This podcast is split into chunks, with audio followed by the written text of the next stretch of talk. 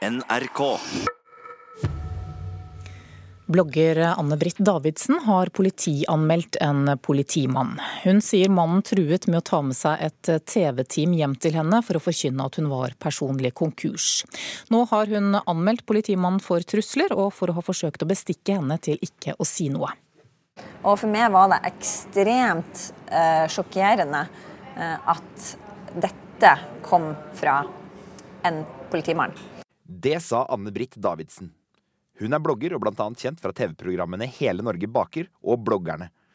Selv om meldinga kom fra et relativt anonymt brukernavn, klarte Davidsen å finne ut hvem det var som var avsender.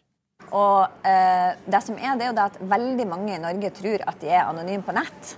Eh, men så viser det seg at du er faktisk ikke anonym. Du legger igjen veldig mye spor. Davidsen sier hun aldri har hatt kontakt med mannen før han sendte melding. Altså, denne personen er helt ukjent for meg. Det kom helt ut av det blå. Uh, og det er jo litt sånn som nettmobbing er. Uh, det virker som at rullegardinen rett og slett går ned. Etter at hun hadde varsla lensmannskontoret hvor mannen jobber om at hun kom til å anmelde saken, tok han kontakt og spurte om de kunne møtes. Han ville ha et møte med meg, off the record. Og i dette møtet så tilbudde han meg da penger for å holde kjeft om denne saken. Og bare det i seg sjøl er jo helt utrolig. At mannen jobber i politiet, gjør saken enda mer alvorlig i Davidsens øyne. Dette her er jo politiet, da. eh, Og det er jo de menneskene vi stoler mest på.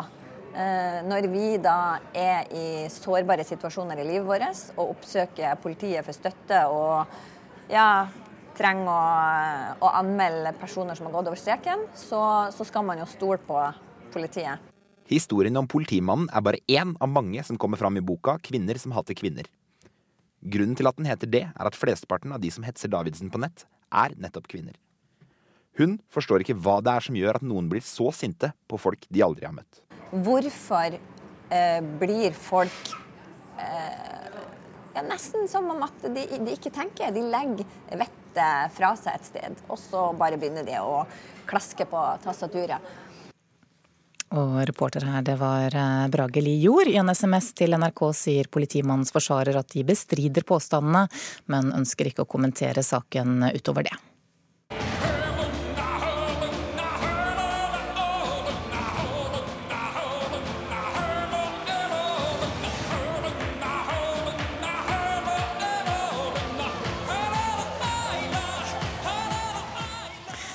Kaino vant altså den norske finalen i Melodi Grand Prix på lørdag, og skal representere Norge i den internasjonale finalen i Tel Aviv i Israel i mai med låten 'Spirit in the Sky'. Fred Buljo, Alexandra Rotan og Tom Hugo, gratulerer. Tusen takk.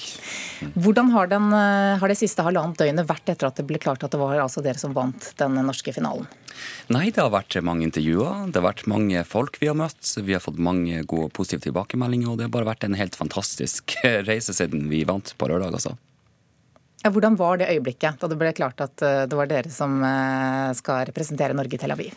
Det var helt uh, surrealistisk. Jeg husker bare at jeg så Tom og Fred på en måte falle ned på bakken idet de ropte navnet vårt.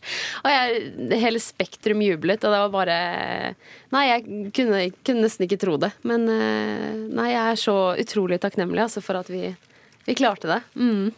Keiino er et norsk-samisk samarbeidsprosjekt. Hvilken betydning har det for den samiske befolkningen at nettopp denne låta skal representere Norge? Nei, jeg har fått tilbakemelding om at de føler en stolthet over at en samisk låt er representert i Eurovision igjen. Så jeg har fått mange fine meldinger både fra Russland, Norge, Sverige og Finland fra samene der. Hvordan startet samarbeidet mellom dere tre? Det, det starta med en låt. Det starta med 'Spirit in the Sky' og et tema som mannen min og jeg hadde lyst å om, omtale i en låt. Om aksept og likeverd, uansett om man kanskje ikke tilhører majoriteten.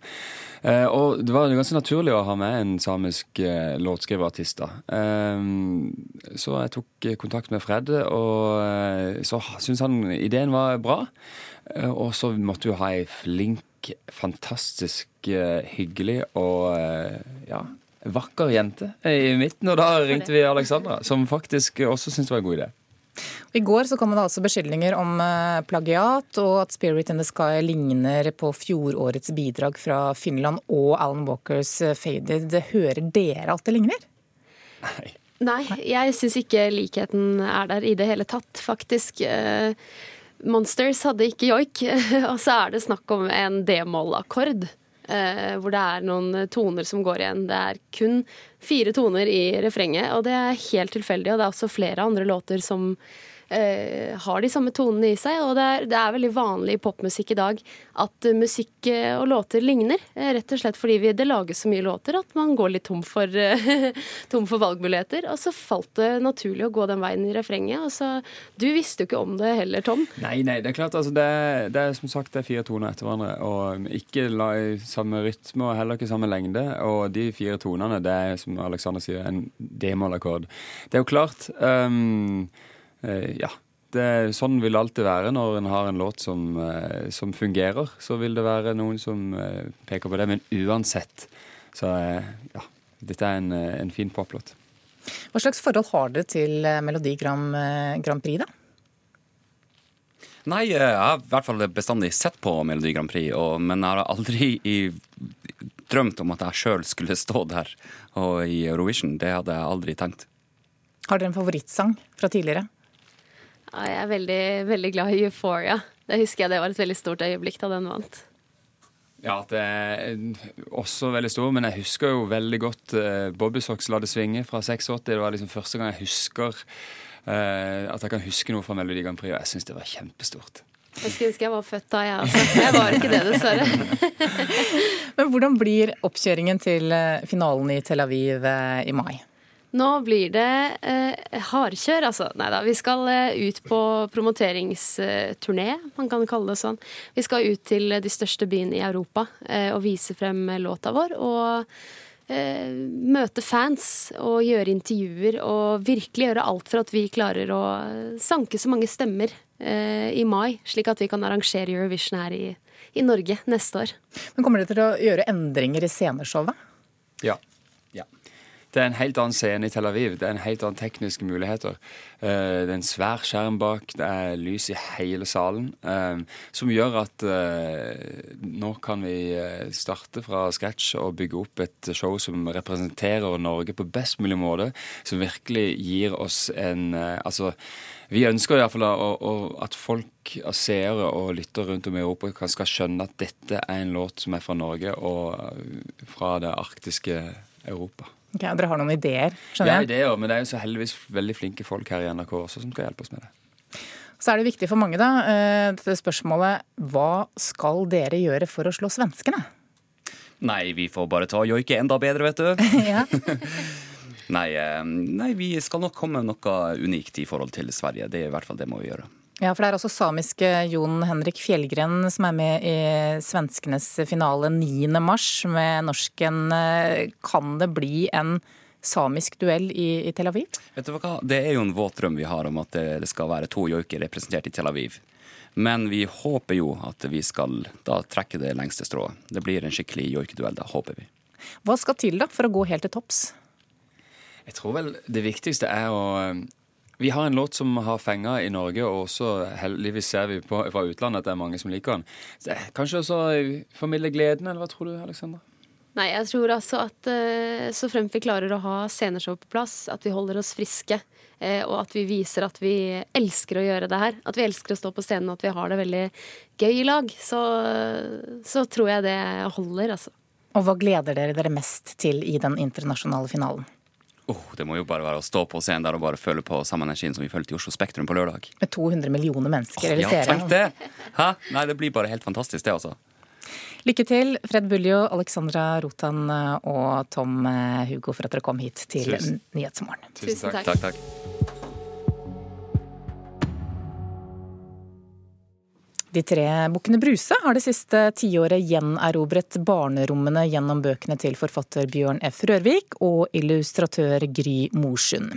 I bøkene drar bukkene på badeland, på skolen og på gamlehjemmet. Riksteatret har nå plukket opp suksessen og har laget teater av bok nummer to, 'Bukkene Bruse vender tilbake'. Men forestillingen den har de kalt 'Bukkene Bruse lager rumpebrann'. Tripp, trapp, tripp, trapp. Trollet er ikke der. Ah!